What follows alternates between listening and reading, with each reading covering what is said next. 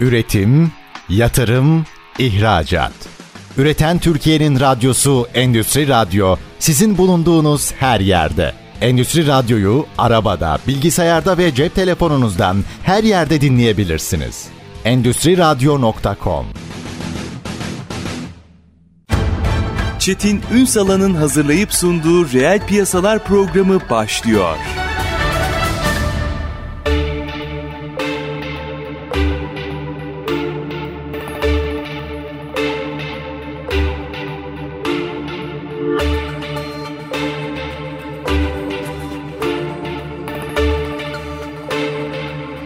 Reel piyasalardan merhabalar. Türkiye'nin gerçek gündeminde birlikteyiz efendim. Bugün ayakkabı yan sanayi, ayakkabı sektörünü konuşacağız. Şimdi bazı noktalar vardır. Elbette dünyanın her yerinde farklı farklı üretimler var. Biz de bu konuda fena değiliz. Bir yolculuk yapıyoruz. Baş gösteriyoruz derler ya, kafa gösteriyoruz derler. Bir yere doğru gidiyoruz ama bazen bazı buluşma noktalarındaki nabzı iyi tutmak lazım. Geleceği okuyabilmek adına. Bunlardan biri de bu sektör açısından baktığınızda İtalya'daki Linapelle fuarı. Buradan çıkan notlara iyi bakmak lazım. Çünkü bugünü ve yarını iyi anlatıyor. İşte biz bugün İtalya'daki Linapelle fuarının ardından dünyada sektörde yaşananları biraz mercek altına alacağız. Trendlerden dönüşüme kadar biraz yarını konuşacağız. Kim bugün konuğumuz Ayakkabı Yan Sanayicileri Derneği Başkanı Sayit Salıcı. Bugün reel piyasaların konu. Sayın Salıcı hoş geldiniz. Hoş bulduk. Teşekkürler Çetin Bey. Sağ olun. Sağ olun siz de. Üstad, Linapelle yani artık bir marka. Dünyada da bir marka ve orada trendleri, sektörü, nabzını görmek mümkün. Ne vardı bu sene? Ne anlattı size? Tabii e, Linapelle bizim sektörün normal şartlarda takip ettiği bir fuardı. E, bizim fuarımız da ISAF fuarımız, yan sanayi fuarımız. Avrupa'nın ikinci, Avrasya'nın da birinci fuarı diye. Hemen e, ardından Evet geliyor. ardından geliyor. Dolayısıyla takip ediyoruz. Enselerindeyiz açıkçası. Burada en son gittiğimiz geçen hafta iki hafta önce oradaydık İtalya'da. Tabii ki e, fuarcılık sektörü ya da fuar endüstrisi diyebiliriz. Bunlar gün geçtikçe kan kaybediyor. Onu görüyoruz. Evet İtalya, Fransa bunlar modanın başkenti. İşte yeniliklerin çıktığı, işte inovasyonun çıktığı ülkeler, şehirler diyoruz. Takip ediyoruz. Fakat her yıl, yılda iki defa gidiyoruz ve her seferinde de kan kaybettiğini görüyoruz. Avrupa'daki evet, fuarlarda. Aslında birazcık bunun şeyle alakalı var. İnsanların birazcık bıkkınlık, birazcık artık alışkanlıklarını, sıralamasını değiştirdiği bir dönem içerisindeyiz diye düşünüyorum kendimce. Çünkü ilk sıralama hemen önce fuara gidelim. Fuardan ürünlerimizi seçelim. Ondan sonra gelelim koleksiyonumuzu hazırlayalım. O doğrultuda da satışa çıkalım. İş yapma modeli klasik olarak bu. Klasikti bu. Ama artık bu değişti gibi geliyor bana. Daha çok artık bireyselleşti. Yani önce kendi gidiyor, kendi araştırıyor, fabrikaları kendi buluyor ya da çalışacağı yerler zaten belli. Fuara gitsem de olur, gitmesem de olur gibi böyle tırnak içinde insanların düşünceleri var. Bu çok tehlikeli ama aslında E, bir tabii, bakıma da. Kesinlikle. Şimdi bir abimiz, büyüğümüz şey derdi. Fuar endüstrisi, fuarlar daha iyisi henüz icat edilmeyen pazarlama aletidir derdi. Nefis Aslında bir lafmış. Güzel bir laftı ama tabii bu biraz eskide kaldı. Şimdi bu dönemde şimdi fuarlar kan kaybediyor. Pazarlama aracı olarak cazibesini kaybetmiş pozisyonda. Ben öyle görüyorum. Yani dünyadaki fuarlar. Tabii bizim fuarlar birazcık daha konumumuz gereği. Yani çünkü Avrupa'ya karşı bakış açısı da insanların böyle birazcık değişti ve Avrupa'da da biraz hem yaşından hem de belki de bıkkınlıklarından e, dolayı birazcık böyle artık e, geliştirmeyi, yenilemeyi, mal satmayı ya da çalışmayla ilgili bir yorgunluklarını hissediyoruz. Şey mi var? Yani mesela bir restorana gittiniz aynı yemeği aynı kalitede hiç şey kaliteden taviz vermeden aynı kalitede yemeği sürekli yemekten mi bıktı insanlar acaba? Çok doğru tespit. Farklılık mı arıyor? Bence de aynen öyle. Tabii özellikle bu pandemi dönemi bize çok şey öğretti. Çetin Bey baktığınızda bir hayat durdu ve o durma süreci içerisinde insanlar ya ben ne yapıyorum bu kadar Sorgulamaya haldır haldır koşturuyorum, fuara gidiyorum, çantamı alıyorum. Bakıyorum, arge yapıyorum, dolaşıyorum, geliyorum. Kendim yapmaya çalışıyorum aynısını ya da daha iyisini ama boş. Günün sonunda bu artık diyor, o rutin haline gelmiş olan şeyi insanlar bir bıkkınlık derecesine geldiğinden dolayı da tercihlerini değiştirdi diye düşünüyorum. Alışkanlıklarını değiştirdi diye düşünüyorum. Bunun için ne yapacağız? Tabii ki fuarlar bitti mi? Yok fuarlar bitmedi. Fuarlar bir şekilde devam edecek. Fakat tabii bunun en şeylerinden biri de ekonomik kısmı. Yani ekonomik kısmı inanılmaz hayatta işte Türkiye'deki şu anda yaşadığımız içinde bulunduğumuz enflasyonist ortam Etkileri e, etkileri yani fuara girmek girmemek konusunda yani durumu olan da olmayan da marka olan da olmayan da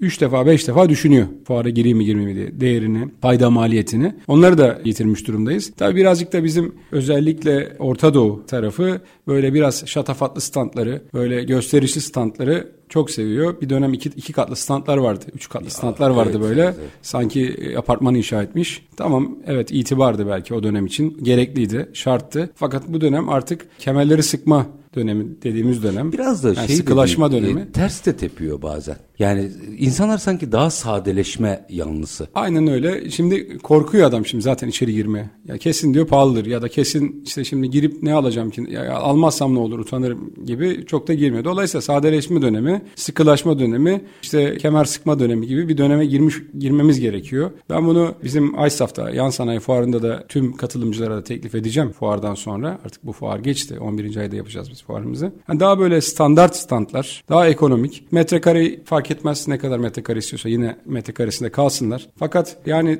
daha basic, standart, ekonomik. Hani herkesin evet ben fuara da gireyim. Yani fuarı tekrardan cazip hale getirmek için böyle bir düşünceyi e, kendilerine bildireceğim. Makul ve mantıklı geliyor düşüncede. Ama tabii Şey değil artık yani tabii ki vitrin çok önemlidir her zaman da önemlidir ama sanki daha çok insanlar artık ne iş yapabiliriz sorusunun yanıtını arıyor. Tabii kesinlikle yani şeye bakıyor artık yani o vitrin çünkü herkes birbirini tanıyor. Yeni oyuncu çok fazla girmiyor. Dolayısıyla o oyuncunun stantının ya da o oyuncunun oradaki stantının ahşap olup olmaması falan çok fazla ilgilendirmiyor insanları çünkü çok maliyet. Yani bugün iki fuara girmenin en küçük standta maliyeti 600 bin lira 500 bin lira. Tabii. Ki en ucuz fuarı da yapıyoruz bu arada onu da söylemek isterim. Yani ISAF e, şu anda fuarlar içerisinde yaklaşık 30 bin tane fuar yapılıyor bir yılda dünyada. Burada en uygun e, rakamlı fuar diyebilirim. Buna rağmen diyorsunuz ki iş konuşalım. Standartlaşsın yani mesela. Kesinlikle. Yani burada ona rağmen bir, yani ucuz olmasına rağmen bizim sağ olsun katılımcılarımız fuarımız pahalı, fuar çok pahalı diye söylüyorlar ama biz elimizden geldiğince en ekonomik şekilde, uygun şekilde organizatör firmamızla beraber sıkı sıkı pazarlık yaparak fuarımızı üyelerimize, katılımcılarımıza çok sektörümüze daha doğrusu uygun bir şekilde yapmaya çalışıyoruz. Bundan sonra artık hani daha ne olabilir? Hiçbir şey yapamayız. Sadece standdan bir kısalım dedik yani. 2000'li yıllarda galiba Hazır Giyim İhracatçıları Birliği'nin böyle bir organizasyonu vardı. Orada mesela standart standlar yapmışlardı. Bravo. Orada birazcık maliyetten çok haksız rekabeti engellemek için yapılmıştı ama enteresan yani yıl 2023 artık yavaş yavaş insanların buralara para harcamaktansa işe para harcasın tercihi anladım. Tarih tekerrürden ibaret tabii ki. Yani sonuçta bunlar denenmiş zaman içerisinde ama tabii ki o, o amaç bu değildi. O ilk Tabii. zaman daha farklı sebeplerdi ama bence şu anda hani nereden kısabilirsek, nereden işte bunu fuara kan kaybetmeden, işte katılımcı sayısını düşürmeden çünkü fuar dinamikleri çok yüksek bir fuar. Aslında- 69.sunu yapacağız Fuar dediğimiz organizasyon. Günün sonunda oradaki pazardan bahsediyoruz. Pazarın dağılmaması gerekiyor. Ya pazar da almaması lazım ve bilinirliği var. Dediğim gibi 69.sunu yapacağız Kasım ayında. Şimdi burada bu fuarı ya stand uğruna ya da işte metrekaredeki fiyatların pahalı olduğunun ekonomik sıkıntılardan kaynaklı. Yani fuarın bedelinin katılımcılara rahatsızlığından ötürü de fuarı kaybetmememiz gerekiyor. Bununla ilgili de bence ilk başta standtan başlamak gerekiyor. Bu, Yüreğinize bu, sağlık. bu önemli. Yapılabilirse biz hemen fuar sonrası biz arkadaşlarla toplanacağız. Tüm üyelerimizle bir araya getirip katılımcıları bu teklifimizi sunacağız. Bence çok doğal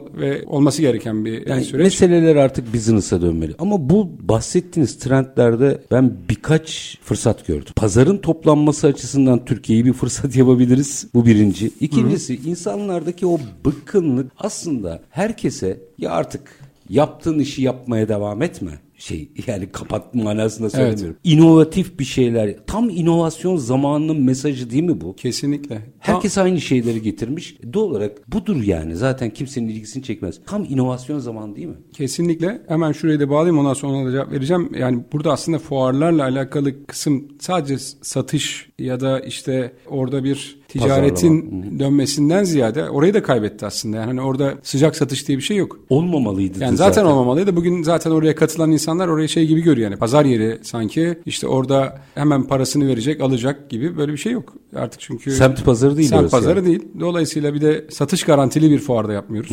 Ya da ne olursa olsun hani burada girersen satarsın ödemeni alırsın. Bu tamamıyla firmanın kendisiyle, firmanın misafirperverliği, firmanın ürünleriyle alakalı olan bir şey. Pazarlama. Ve buluşma noktaları aslında. Bu da çok değerli. Yani şimdi buluşma noktası sıkıntı yok. Şimdi siz bugün bir misafirliğe gidiyorsunuz bir yere. Orada yani evin mobilyaları ahşap olmalı, işte şu ağaçtan olmalı, bu ağaçtan olmalı diye bir şey yok. Misafirliğe gidiyorsunuz ve orada hani ne Hasbihale umuyorsa e, ne umduğunu değil bulduğunu yer misali. Oraya gidecekler insanlar. Stand için konuşuyorum tekrar. Hani bu, bu, bu stand olayını mutlaka bir şeye getirmemiz gerekiyor. Yani standartlaştırmamız gerekiyor. Orada buluşma noktaları, oradaki fiziki şartların çok fazla bence bu saatten sonra değerli olduğunu düşünmüyorum. İnovasyon kısmı da şöyle, evet tam zamanı. Burada şunu yapmamız gerekiyor. katma değerli ürün diyoruz ya Çetin Bey. Yani işte katma değerli ürün. Yani şimdi inovasyon yapacaksan yani gidip de 20 yıl önceki 30 yıl önceki yaptığın sistemle Anlamı yok. yapmayacaksın. Yani evet tarih tekerrürden ibaret fakat anlamı yok. Burada yapacağımız şey en doğru olanı katma değerli ürün. Yani eee rekabetçi yani Avrupa piyasasıyla rekabet edeceksek ya da bir rekabet edeceğimiz e, kategoriyi seçmemiz gerekiyor üründe ne olursa olsun. Şimdi şuna geleceğim. Bugün Çin. Ya Çin yine çıktı. Çin, ya Çin zaten kaç yıldır vardı yani. Sanki yeniden çıkmış gibi herkes Yok, Çin'e döndü. yok olacağını hayal etmek biraz hayal Ya imkan yok, bence. imkan yok. Onlarla orası bambaşka bir dünya zaten. Dolayısıyla şimdi esas daha büyük tehlike yani şimdi onların arkada tıkları biliyorsunuz işte bir kuşak, bir yol projesi. Bunlar falan esas biz bunları bunları nasıl yapacağız? Bu- bu- Bangladeş, bu- Vietnam Tabii, vesaire onlar geliyor Tabii, şimdi. bu esas bunlar daha daha daha da büyük şeyler. Bunu başka bir e, ortamda belki tekrar konuşuruz ama burada nasıl yapacağız? Şimdi ucuz malda rekabetçi olamıyoruz. Olamayacağız. E, neden olamayacağız onu da söyleyeyim. Olmayalım da zaten. Yani evet ucuzun sonu yok yani dibin dibi yok derler bizde. Evet. Şimdi burada şeye baktığınızda Çin'deki elektrik ücretlerine bakıyoruz. Doğalgaz ücret, ücretlerine bakıyoruz. İşte e, özellikle işçi asgari ücrete bakıyoruz. Emin olun şu anda Çin'de neredeyse aynıyız. Asgari ücrette. Orada yükseltti refahını. Tabii tabii. Fakat de Hatta bir tık biz arkada kaldık. belki de evet biraz da ona rağmen biz hala onlarla rekabet edemiyoruz. Rekabet edemememizin sebebi de her zaman söylüyoruz ölçeklendirme yani ölçek ekonomisi. Durun burada bir virgül Tamam, atın. dur. Çünkü bunu açalım. Bu çok hayati bir konu çünkü. Reklam arasına gideceğim. Yarım kalsın istemiyorum. İşi ölçeklendirme, inovasyon, birlikte hareket etme gibi gibi başlıklarla biraz açalım. Çünkü anladığım kadarıyla İtalya'daki fuarda bunların ihtiyaçlarını görmüşsünüz. Tabii. O zaman biz burada biraz ders çalışalım. Nasıl? Kısa bir ara. Aranın ardından Ayakkabı Yan Sanayicileri Derneği Başkanı Sayın Salıcı'yla İtalya'daki fuarın ardından dünyada ve sektörde yaşananları konuşuyoruz. Kritik bir noktaya geldik. Ölçekleme, ölçeklendirme dedi Sayın Salıcı. Detaylandıracağız. Kısa bir ara lütfen bizden ayrılmayın. Üretim, yatırım, ihracat. Üreten Türkiye'nin radyosu Endüstri Radyo sizin bulunduğunuz her yerde. Endüstri Radyo'yu arabada, bilgisayarda ve cep telefonunuzdan her yerde dinleyebilirsiniz. Endüstri Radyo.com Kısa bir aranın ardından reel piyasalarda tekrar sizlerle birlikteyiz efendim. Konuğumuz Ayakkabı Yan Sanayicileri Derneği Başkanı Sait Salıcı. İtalya'daki Lineperle fuarının ardından aslında dünyada ve sektördeki eğilimleri, yaşananları mercek altına alıyoruz. İş geldi dolaştı rekabete. Rekabette de Sait Salıcı ölçek yakalamamız gerekir. Bu en önemli başlık dedi virgül attım hadi virgülü kaldırdım. Nereye gideceğini bilmiyorsan nasıl gittiğinin önemi yok derler Çetin Bey. Montaigne'in güzel bu, bir Evet. Montaigne'in güzel bir e, sözü. Burada şimdi sektör olarak bir yere kadar geldik. Yani zirveye geldik. Fakat bundan sonra geriye baktığımızda sanayicilerimizin gerek yan sanayicilerimiz gerek ayakkabıcılarımızın özellikle kendinden sonraki gelen kuşağı sektöre kazandırmak konusunda tereddütleri var. Çok kritik Tamam bir başlık bu. Şimdi büyü mü, büyümeyeyim mi? Ya da yatırım yani yapayım mı? çocuklarından bahsediyorsunuz. Tabii tabii kendinden Meslek sonraki. evet. lisesinden mezun olan Yok yok çalışmak o ayrı. isteyenden O değil. ayrı bir konu. Çocuklarından. Tabii tabii kendi çocuklarından. Şimdi soruyoruz bunu nasıl yapacağız diyoruz. Ben diyor çocuğumu bu işe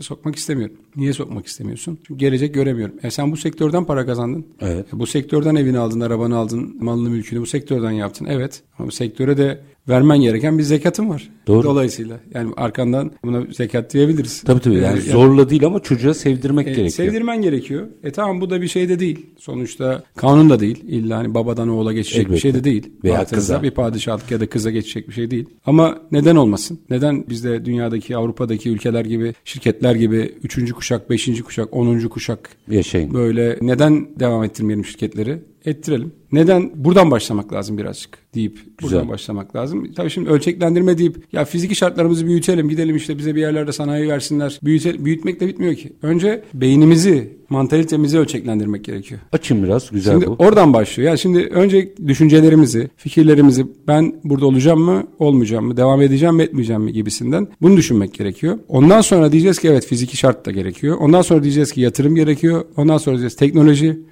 Ondan sonra da pazar araştırması. Yani bir, bir şöyle bir sil baştan yapmamız gerekiyor Çetin Bey. Ne olursa Peki olsun. bunu tek başına mı yapmak gerekiyor? Yok şimdi e, tabii ki burada STK'lara çok çok iş düşüyor. Hele hele günümüzde özellikle bu toplumsal birlikteliğin ve beraberliğin erozyona uğradığı bir dönemde STK'lara çok iş düşüyor. Mesleki ne olursa olsun. STK'lara. Mesleki STK'lara. Bu değerli bir şey çünkü çok önemli. Bunlar birbirine tutan, birbirine bağlayan, beraberliği getiren oluşumlar. Çünkü çok değersizleşiyor. Bugün STK dediğinde, dernekler dediğinde aslında çok el üstünde tutulması gerekiyor. Çünkü bu devlet, e, hükümetle bir köprü görevi gören kurumlar. Dolayısıyla bu kurumlara gelen arkadaşlarımızın da gelen ya da o kurumlara temsil temsil eden kişilerin de hem sektörü hem de sektörün geleceğini bir şekilde bu ortamlarda, bu platformlarda her ortamda girdiği anlatması lazım. Yani aslında ortak değer kimseye ait değil. Tabii tabii. o ki. açıdan herkesin sahip çıkması gerekiyor aslında bu mesleki Evet sektör. evet. Ya burada buradan başlaması lazım. Dediğim gibi toplumsal birlikteliği tekrardan sağlamak. Birazcık vefakarlık gerekiyor bunun için. Ölçeklendirmeden önceki kısmını anlatıyorum. Sonuçta bir parasını dediğim gibi buradan kazanmış, yatırımını buradan yapmış. Evet şimdi ben bu kazandıklarımı kaybetmek de istemiyorum diyen de bir o kadar da sanayicimiz var. E şimdi bunun için ne yapacağız? Bunun için de e, daha çok e, işte ölçeklendirmeye geç, geçmek aşamasında da teknoloji az önce söylediğiniz şeyler, inovasyon Avrupa'da ya da dünyadaki trendleri takip edip etmediğimiz için söylemiyorum. Ediyoruz mutlaka ediyoruz ama yani oradaki teknolojileri buraya getirip burada ortak bir kolektif çalışma yaparak sektördeki üretim kalitesini, teknolojiyi geldiği yerden daha da ileriye taşımak gerekiyor. Bununla ilgili de bir kere fiziki şartların değişmesi lazım. İki tane başlık açayım mı? Tabii. Yine fiziki şartlara gelin ama. Tabii. Mesela dediniz ya oradaki teknolojiyi buraya getirmek. Bir öneri açayım siz değerlendirin. Evet. Burada bir sürü startup var. Niye mesela sektörler gidip startup'a ya bizim böyle bir şeye ihtiyacımız var. Gelin bunu geliştirin. Biz de sektör olarak sizi finanse edelim demez. Bu birinci soru. İkincisi bir sürü firma madem firmaları kapatmaya niyetlenmiş yani çünkü Evet. otomatikman yeni kuşağa devrolunca ya satacak ya kapatacak. Üçüncü bir alternatif Aynen. yok. Yani günün sonunda bir şey yok olacağına acaba 3-4'ü bir araya gelse de sahip olmak yerine hissedar olmayı tartışsa Evet. bu da enteresan bir başlık olmaz mı? Çok güzel başlık. Ben yurt dışında okudum. Okuduğum sınıfta ben tek Türk öğrenci bendim. Fakat dersimizin bir tanesinde hoca devamlı parmağıyla beni gösterirdi. Özellikle birliktelik, beraberlik, işte şir- şirket birliktelikleri konusunda sizin ülkede olmaz derdi. 3, 4, 5 Den sonra dedim ki hocam kaldırdım parmağımı dedim lütfen bir daha bizim ülkeye özellikle de Orta Doğu'ya hem sizin ülke diyor hem de diyor Orta Doğu'da böyle şeyler olmaz diyor. Neden olmaz? Çünkü sizin ülkede ortaklıklar ayrılmak için kuruluyor diye böyle bir Enteresan. şeyden bahsetmişti o dönem. Bakıyorsun hak- haklı çıktı adam. Yani şimdi böyle uzun süre az önce söylediğimiz gibi ikinci kuşak, üçüncü, beşinci kuşağa giden bir işletme yok maalesef. Onun için istediğiniz kadar startup deyin, istediğiniz kadar oradaki teknolojiyle birleştirelim deyin. Bu öncelikle işte o kafadaki mantalitenin çok değişmesi gerekiyor. Yani o hırsları, ihtirasları, yaşanmışlıkları ya da yaşayacaklarını böyle bir kenara bırakıp böyle kanaatkarlıktan geçiyor bu iş. Kanaatkar olursan bir de planlı programlı olursan bu birliktelik devam eder. Bakıyoruz nasıl olmuş, nasıl başarmış bu adamlar yıllarca bunu? O kanaatkarlıkla başarmışlar. Yetinmeyle başarmışlar. Birçok örnekleri var. Ha, Türkiye'de de bunu yapan firmalar var, başaran firmalar. Ama maksimum 4 kuşak, 5 kuşağı çok azdır yani 5. kuşağa geçen. Şey mi sorun? Sahibi olmak yerine payı olmak veya bir paydaşı olmayı mı kabullenemiyoruz bir türlü? E, tabii o şeyle İlla alakalı. sahibi olacağız yani. Şimdi sahibi olmak o şeyden gelme işte. Bu da bize bir miras. Atalarımızdan gelen bir miras. İlla dükkanın başına sen geçeceksin. Anahtarla sen açacaksın. Akşam sen kapatacaksın. Kasaya da tanıdık Kasaya da bir tanıdık birini koyacaksın ya da anahtarını kimseye vermeyeceksin. Anahtarı hatta şöyle kemerin kenarında koyarlardı hatırlarsanız böyle. Çok iyi A-. Aynı o, o kültür bize miras kalmış maalesef. Hani kimseye güvenmeme, kimseye inanmama gibi. Fakat bakıyorsun bugün bü- büyük holdinglerde yine bunu başaran firmalarda kimsenin kemerin kenarında anahtar asılı değil. Dolayısıyla vermişler bir sistemi kurmuşlar. Bu tamamıyla sistem eşittir disiplin Çetin Bey. Yani bu sistem eşittir disiplin derken yani disiplinin olduğu yerde sistem de olur. Disiplinle alakalı bir şey. Doğru. Daha sonrası da insanın olduğu her yerde olabilecek şeyler. Az önce anlattığımız şeyler. Evet patron olmak istemek, işin sahibi olmak istemek. Ama tabii ki bunu da yapabilen firmalar başarıyorlar. Bir yerlere geliyorlar ne olursa olsun. Ondan sonra da olması gerektiği yerde kendilerini görüyorlar. İlla ki hani ben her gün iş yerine gideceğim, çıkacağım, geleceğim gibi bir algıyı da kafalarından o sistemi kurarak silmiş oluyorlar. Yani zaten çocuklar devralmayacaksa, Evet. devralacaksa sıkıntı yok. Büyütecekse orada yeni kuşak farklı bir Evet. vizyon getirebilir. Onlara itirazım yok. Mutlaka da bu olsun demiyorum. Ama zaten devralmayacaksa yani benden sonra yok hissine kapılan herkesin çok iyi zihni olarak anlaştığı insanlarla bir araya gelerek ortak yapı Çünkü bunlar sizlerin firması değil ki.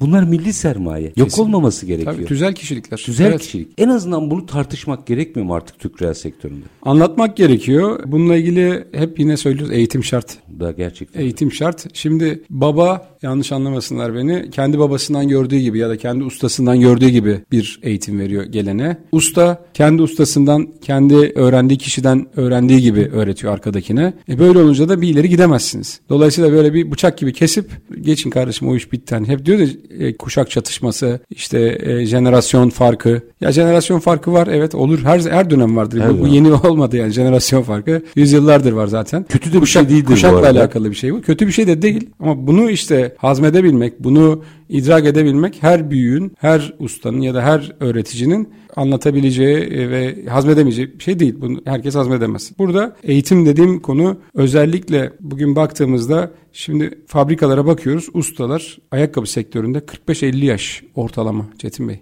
45-50 yaş çok yani bu ne demek? Sektör e, gün Ufak- geçtikçe ufak ufak ufak, bırakacak e, bırakacak. Yani arkadan gelen yok. Niye gelen yok? Çünkü usta bildiği gibi öğretiyor. Bildiği Oysa gibi bilgiye çok ulaşılabilen bir ya çağdayız. zaten öyle ama şimdi 30 yıl ön- önce öğrendiği gibi öğretiyor. Fakat buradaki kafa hiç o kafa değil. Ama o ustayı da eğitebilir miyiz? Evet. Yok. Yani eğitebiliriz ama çok da o da öğrendiği gibi o bildiğinden şaşmaz anladığım kadarıyla. Ona onun için de yok şaş şaş değişmez. Ustalar çünkü değiş ben böyle öğrendim der geçer yani. Onlar çok fazla kolay kolay öğretemezsiniz. Ondan sonra yeni kuşak gelmez. Bakın beyin göçü oluyor.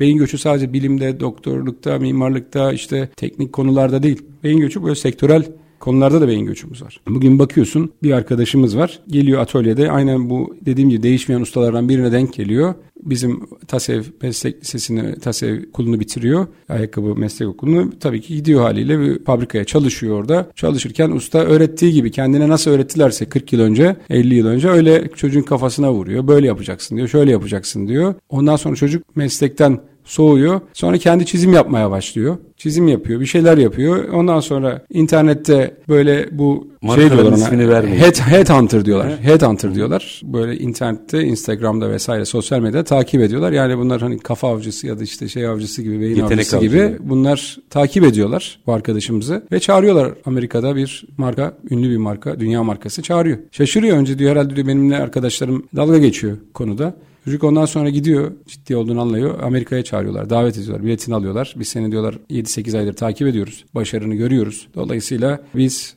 seni buraya davet ediyoruz diyor ve çocuk orada başlıyor. Şu anda da dünyanın yine sayılı markalarından bir tanesinde ismini de Tasarımlarını yapıyor. Tasarımlarını yapıyor vesaire. Şimdi bu bir tane örnek. Bu, Bu önünüzden geçti gitti değil mi? tabii tabii önümüzden de Yani sabun sizin- sabun gibi. Sizin Evet. kurduğunuz liseden Evet. mezun olan Evet. ve burada ya bu çocuklar galiba bir şey bilmiyor denilen çocuklardan biri bu. Bravo. Sabun gibi kaydı geçti gitti. Şimdi burada o headhunter'lar dediğimiz yani o beyin avcılarının çoğalması gerekiyor. Yani bizdeki beyin avcısı dediğimiz kişi tırnak içinde ustalar, öğreticiler, işte fabrikadaki o an yetenekli müdürler diyelim yani ya da patronlar. Ama böyle olmuyor işte. Onlar kendilerini biraz yani 30 yıl önceki bir öğrendiği şeyle bugün öğrendiğin şeyin imkan imkanı yok aynı olsun. Aynı şeylerde de işte şeyi de söylemek isterim işte yine ölçüye dönersek fiziki şartlarla alakalı. Şimdi bugün 85'lerde 95'lerde yapılmış İstanbul'daki ayakkabı sektörünün kümeleştiği bölge iki telli bölgesindeki Aymokop, Aykosan, Aymokop. Aykosan o bölgeler. Şimdi bugün bakıyorsunuz Çetin o dönem için belki yeterliydi. Fakat bugün artık duvarları kıra kıra duvar kalmadı artık hani büyütmek için. O dönem 9 metrekarelerde Beyazıt'ta Gedikpaşa'da üretim yapılırdı. E tabi ondan sonra 50'ye Fabrika- geçtiler. fabrikaydı oralar o zaman. e, 50'ye geçtiler. En maksimum 50-50. Şimdi o 50'lere hep duvarları kıra kıra 500 yaptılar. Maksimum 1000 yaptılar. 2 kat oldu, 2000 oldu vesaire. Yetmiyor. 3000 oldu. Şimdi yetmiyor. Niye yetmiyor? İşte o dönemki dikilen ceket dar geliyor artık. Kimse onu giyemiyor. Değişmemiz gerekiyor yani. Ne yapmak lazım? Minik bir ara. Evet. Aranın ardından burayı Tamam. konuşacağız. Efendim Ayakkabı Yan Sanayicileri Derneği Başkanı Sayın Salıcı bugün konuğumuz. Dünyada ve sektörde aslında yaşananları mercek altına alıyoruz. Büyük bir değişim aslında gözleniyor. Demin İtalya'daki fuarla ilgili tespiti bence tam zamanı dedirtiyor. Yani herkeste bir bıkkınlık varken ya hep aynı şeyler ifadesi artık kullanılmaya başlanmışken tam da şimdi atak yapmak gerekiyor. O atak nasıl yapılır bunun şartlarını konuşuyoruz. Kısa bir ara lütfen bizden ayrılmayın. Üretim, yatırım, ihracat. Üreten Türkiye'nin radyosu Endüstri Radyo sizin bulunduğunuz her yerde. Endüstri Radyo'yu arabada, bilgisayarda ve cep telefonunuzdan her yerde dinleyebilirsiniz. Endüstriradyo.com Kısa bir aranın ardından reel piyasalarda tekrar sizlerle birlikteyiz. Ayakkabı Yan Sanayicileri Derneği Başkanı Sayit Salıcı bizlerle birlikte. İtalya'daki fuarın ardından aslında onu biraz vesile ettik. Dönüşümü konuşuyoruz. Geldik mekan. Şimdi ne yapmak lazım? Yani kafayı değiştirelim, bakış açısını değiştirelim, inovasyon yapalım, pazarda farklılaşalım. Yani Hı-hı. o artık Hı-hı. ucuz ve seri üretimden çok doğru üretimlerle iş yapalım. Ama mekan. Dediniz ki mekan da önemli. Tabii, Yetmiyor. Terziye gideceğiz. Dedim ya. Yani ceket artık olmuyor üstümüze. Gideceğiz terziye. Orada artık yeni kendimizin üstüne uygun bir mekan, fiziki şartlarımızı değiştireceğiz. Tabii bu arada fiziki şart İstanbul için gerçekten çok değerli bir hale geldi. Yani bugün iki telli gibi bir yerde, Hadımköy'de dahi yani o bölgede bile üretim yapmak gerçekten çok lüks. Gereksiz paralar haline. Çok gereksiz. Ayrıca şu anda özellikle kiracıların, e, kiracı sanayicilerin başı hep böyle kiralardan kaynaklı çok dipnot. Şimdi Sayit Bey evet, onu e, söylemeye satırarız. çalışıyor ama ben söyleyeyim. Bu %25 uygulaması sadece evlerde söz konusu oldu. Hı hı. İş yerleri ciddi kira tartışmalarıyla karşı karşıya. Çetin Bey bu çok önemli. Bunu diğer platformlarda da söylüyorum zaten. Hani bu %25 uygulaması gerekirse evet herkesin herkes haklı. Şu Nasrettin evet, Hoca'nın hikayesi evet. gibi baktığınızda hani mal sahibi de haklı, kiracı da haklı, bir şekilde tüketici de haklı. O yüzden ama şu arabuluculuğun devreye girmesi iyi oldu. Bakalım nasıl olacak. Ya yine yine bu da yine toplumsal patlamaya sebep olacak. Bakın göreceksiniz. İnşallah olmaz. Beni yanıltır bu. Fakat günün sonunda şu anda televizyonlarda görüyoruz zaten. Eskiden ikinci sayfa haberleri vardı bilirsiniz. Maalesef. Şimdi bunlar gibi haberler çoğalacak. Bir toplumsal patlama mı olacak artık bilmiyorum. Yani olmasın. Yani olmasın. Olmasın, olmasın istemiyoruz ama, ama gerçekten bir hakkaniyet var. Şimdi orada üretim yapan bir evet. sanayi kuruluşuna da bastırdıkça bastır kira. Evet. Çünkü hemen taşınamaz oraya. Evet ya şimdi devlet ya daha doğrusu hükümet birazcık sanayiciyle özellikle mal sahibini karşı karşıya getirdi. Aynı şekilde konutlarda da öyle. Emin olun yani %25 öde, ödüyorum diyen çok azdır yani. Yüzde, yani mahkemeliklerde tamam, oldu. Tamam makul yine şeye de razılar yani insanlar şu anda %100'e de razı. Ne yaşıyor sanayici? E, sanayici kiralarını ödeyemeyecek pozisyona gelecek. E, bu da fiyatları etkileyecek. Bugün İnsanlar ayakkabının üzerinde bitmiş ayakkabı ya da tabanında ya da kendi ürettiği malzemende kiranın çok böyle şeyi olmazdı yani. Maliyet oran, oran yani birilerinin altındaydı. E şimdi bakıyorsun e, hem ölçeklendiremiyoruz hmm. yani hem üretemiyoruz kapasiteler düşüyor şartlar gereği e, hem de kiraya zam geliyor. E nasıl olacak? Bu nasıl üretecek bu insanlar? Yani burada hep söylüyoruz şu milli duygular devreye girsin. Ya iki yıl diş, dişimizi sıkalım. Toplam iki yıl dişimizi sıkalım. Mal sahibi de dişini sıksın. Kiracı da dişini sıksın. Belki söylemesi buradan kolay. Başka türlü yani her şeyi her şeyi devletten bekleyerek olmuyor yani. Bir yere kadar yani. Ne olursa Doğru. olsun yani biz kendimizin buna çözüm bulması gerekiyor. Ya ricacı olacağız. Bir yıl idare et diyeceğiz. iki yıl idare et diyeceğiz. Yani bu bir, tabii ki iyi niyet ve suistimale uğramadan bu söylediği. Elbette. Karşılıklı iyi niyet. Çünkü 5 yıldır 10 yıldır kirasını bugüne kadar tıkır tıkır ödemiş sanayici, işletmeci. E, bakıyorsun Evet şartlar değişti. Bir anda değişti. Mal sahibi haklı. Oranı söyle yani oran her yere göre değişiyor. 1'e 3, 1'e 4 mi gidiyor evet, kirada? Ya şimdi %100'e razılar Çetin Bey. Mesela 25 lira ödeyen kişi 50 liraya razı. 50 ödeyen 100'e de razı. Normal şartlarda tefeüfedir. İşte kira kontratında anlaşması gereği evet. rakam neyse o ayki o günkü ona öder. Fakat on, tamam diyor kiracı diyor. Buna da Makul, makul tamam %100 yapsın. Bir arayı bulalım. Yok hayır böyle olacak şöyle olacak. Hmm. Ya şimdi insanlar iş mi yapacak? Üretim mi yapacak? E, yeni bir şey mi geliştirecek? İnovasyondan bahsediyoruz. Masa Değil mi? Ya onunla mı didişecek? Dolayısıyla hani artık burada ben herkesi buradan da böyle milli duygulara birazcık da yaşanmışlıkların aslına davet ediyorum. Önemli. Herkesin mutlaka kendine göre gideri var. Herkesin belki de geçim kaynağı kirası.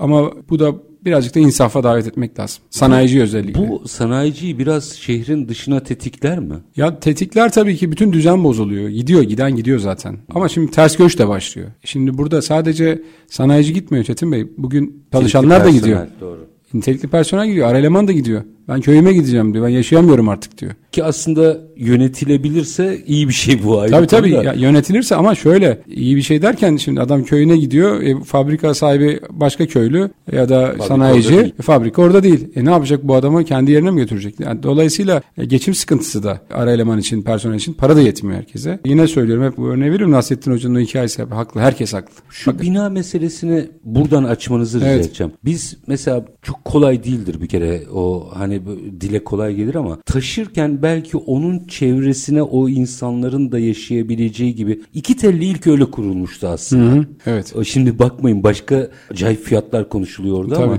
o zaman hatırlıyorum ben OSB yapılırken çevresindeki evler burada çalışanlar otursun diye yapılmıştı. Şimdi belki bu tip modellemeleri mi yapmamız lazım? E tabii kümeleşme aslında biraz daha böyle kooperatif sistemi eski adıyla. Yani şeye geçip önce binaları yapıp lojman tarzında yapıp ondan sonra da ortalara Çok- evet, lojman. evet. Yani lojman. Aslında, e, şimdi adını hatırlayamadım. Evet, evet. Oradaki toplu konutlar da o lojman mantığıyla yapılmıştı. Şimdi oradaki fiyatları orada çalışanın oturması mümkün değil. Mümkün değil. Ya çok değerli. Yani dediğim gibi İstanbul'un neresinde yapacaksınız? Yani bugün baktığınızda en yakın yer Silivri'ydi. Orada artık şehir içi oldu. Ondan sonra Çerkezköy, ondan sonra da işte Edirne'ye doğru. Edirne'ye doğru gidiyor. Sınıra doğru gidiyoruz. Oralarda da giden oldu fabrikalar. Hani oraya gideyim Edirne'li olmamasına rağmen giden oldu. Gittikleri gibi geri geldiler. Personel bulamış. Çünkü personel bulamadılar. Oraya o, o bir şekilde ya bunlar da sıkıntı. Yani hani işin fiziki şartına hani binalaşmaya falan gelmek kısmı işin En son. artık en son kısmı bence. Hani bahçeli fabrikalar, yatay mimari bir sanayileşme bunlar şart ama ilk şey değil bu. Yani hani bizim mantığımız var ya hani şey, önce şeyi yaparız, evleri yaparız, sonra yol yaparız. Biz Önce önce, yol- önce yolu yol yapacağız. yapmamız lazım. önce yolu yapacağız, sonra oraları yapmamız gerekiyor. Biraz tersten başlamamız lazım. Bir şeyleri böyle artık kartları tekrar karalamamız gerekiyor. Ne olursa olsun bir şekilde. Yoksa Çetin Bey sektörü yabancı gelen misafir diye gelen ülkemize ama burada artık e, yerleşen belki kendi vatandaşlarımızdan da daha fazla hakka sahip olan başka ülke vatandaşlarını artık misafirlikten çıktı onlar. Tabii Türk vatandaşlığını da aldılar birçoğu. Özellikle Suriyeli meslektaşlarımıza teslim Ha, edeceğiz. tabii sizin sektörde bir de öyle bir durum var. Şey Suriye'de ayakkabı ve ayakkabı yansa orada üretim de vardı. Tabii. Daha iptidai bizden ama o kültür var sektör olarak. Abi. Onu hiç düşünmemiştim. E şimdi orada onların da ne olursa olsun artık şu hale geldi Çetin Bey. E, Baktığınızda bugün Türk bir personel iş ararken geçen bu fıkra değil fıkra gibiydi ben onu öyle duydum ama bunun gerçek olduğunu söylediler arkadaşlar. Bir yere başvuruyor iş için başvurduğu yerde Suriyeli firmaymış.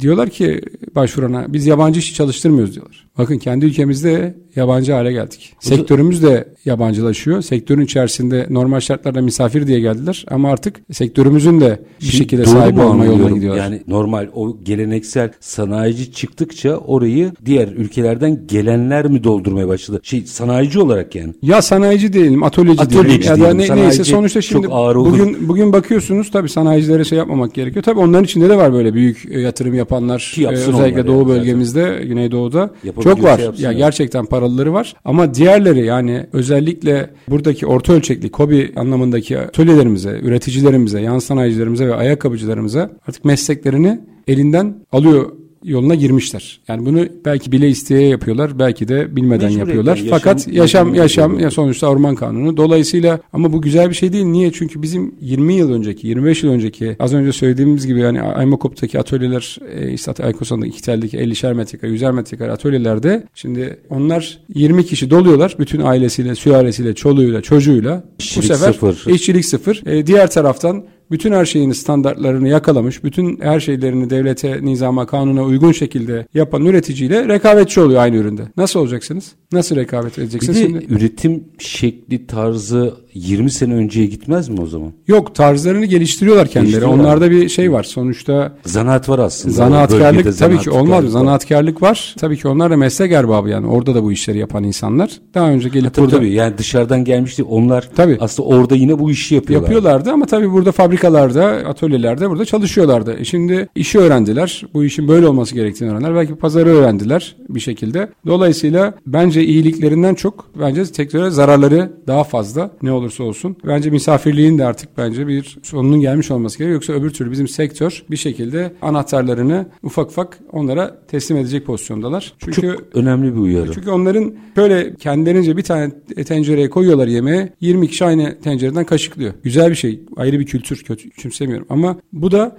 rekabetçiliği günün sonunda çok etkiliyor. Sen şimdi kendi ülkende yabancı bir pozisyondasın ve rekabet edemiyorsun. E, Şartlar aynı değil. Onlara uygulanan şartlar devlet kanadından daha farklı. Burada daha farklı bir şekilde. Bunun nasıl önüne geçeceğiz? Sanayicinin hiç konuşulmayan özellikle sizin sektörü Tabii. tabii. orada o sektörün de ülkenin ekonomisi kadar da olsa gelişmiş olması burada size farklı bir başlık açmış anladığım kadarıyla. Ya as, aslında sözünüzü kestim. Aslında şöyle bir değerdi. En baştaki şeyi biraz dedim ya amacından saptı bu iş. Yani normal şartlarda oradaki toptancısı, oradaki üreticisi, orada üretim yapan buraya geldiler misafirlik için. Daha sonra neyse yer açtılar, iş yerleri açtılar burada. E şimdi o iş yerleri açtık açtıklarında şunu düşünüyorduk. Evet bunun yansıması olumlu da olabilir. Çünkü kendilerinin bir pazarları vardı kendi ülkelerinde. Evet. O pazarlardan hiç ülkemize gelmeyen insanlar onlara da gelmişken bir de Türkiye'deki e, şeye bakalım hiç gelmedik deyip oradan bir alabiliriz demiştik. Ama o artık bitti. O, o da o da amacını, misyonu tamamladı o e, söylediğim şey. Dolayısıyla artık burada e, bizim daha böyle milliyetçi duygularla daha sektörümüze sahip çıkacak bir şekilde bugüne kadar emek verilmiş bir sürü şeyi çok kolaylıkla böyle anahtarını teslim etmemek gerekiyor. Bence önemli bir uyarı. Mutlaka yetkililer de bunun not defterine almıştır. Konuşmak lazım bunu. Sizin sektörün özelinde durum biraz daha farklı gerçekten. Orada o zanaat zaten hali hazırda daha önce de olduğu için. İki dakikam var. Öyle mi?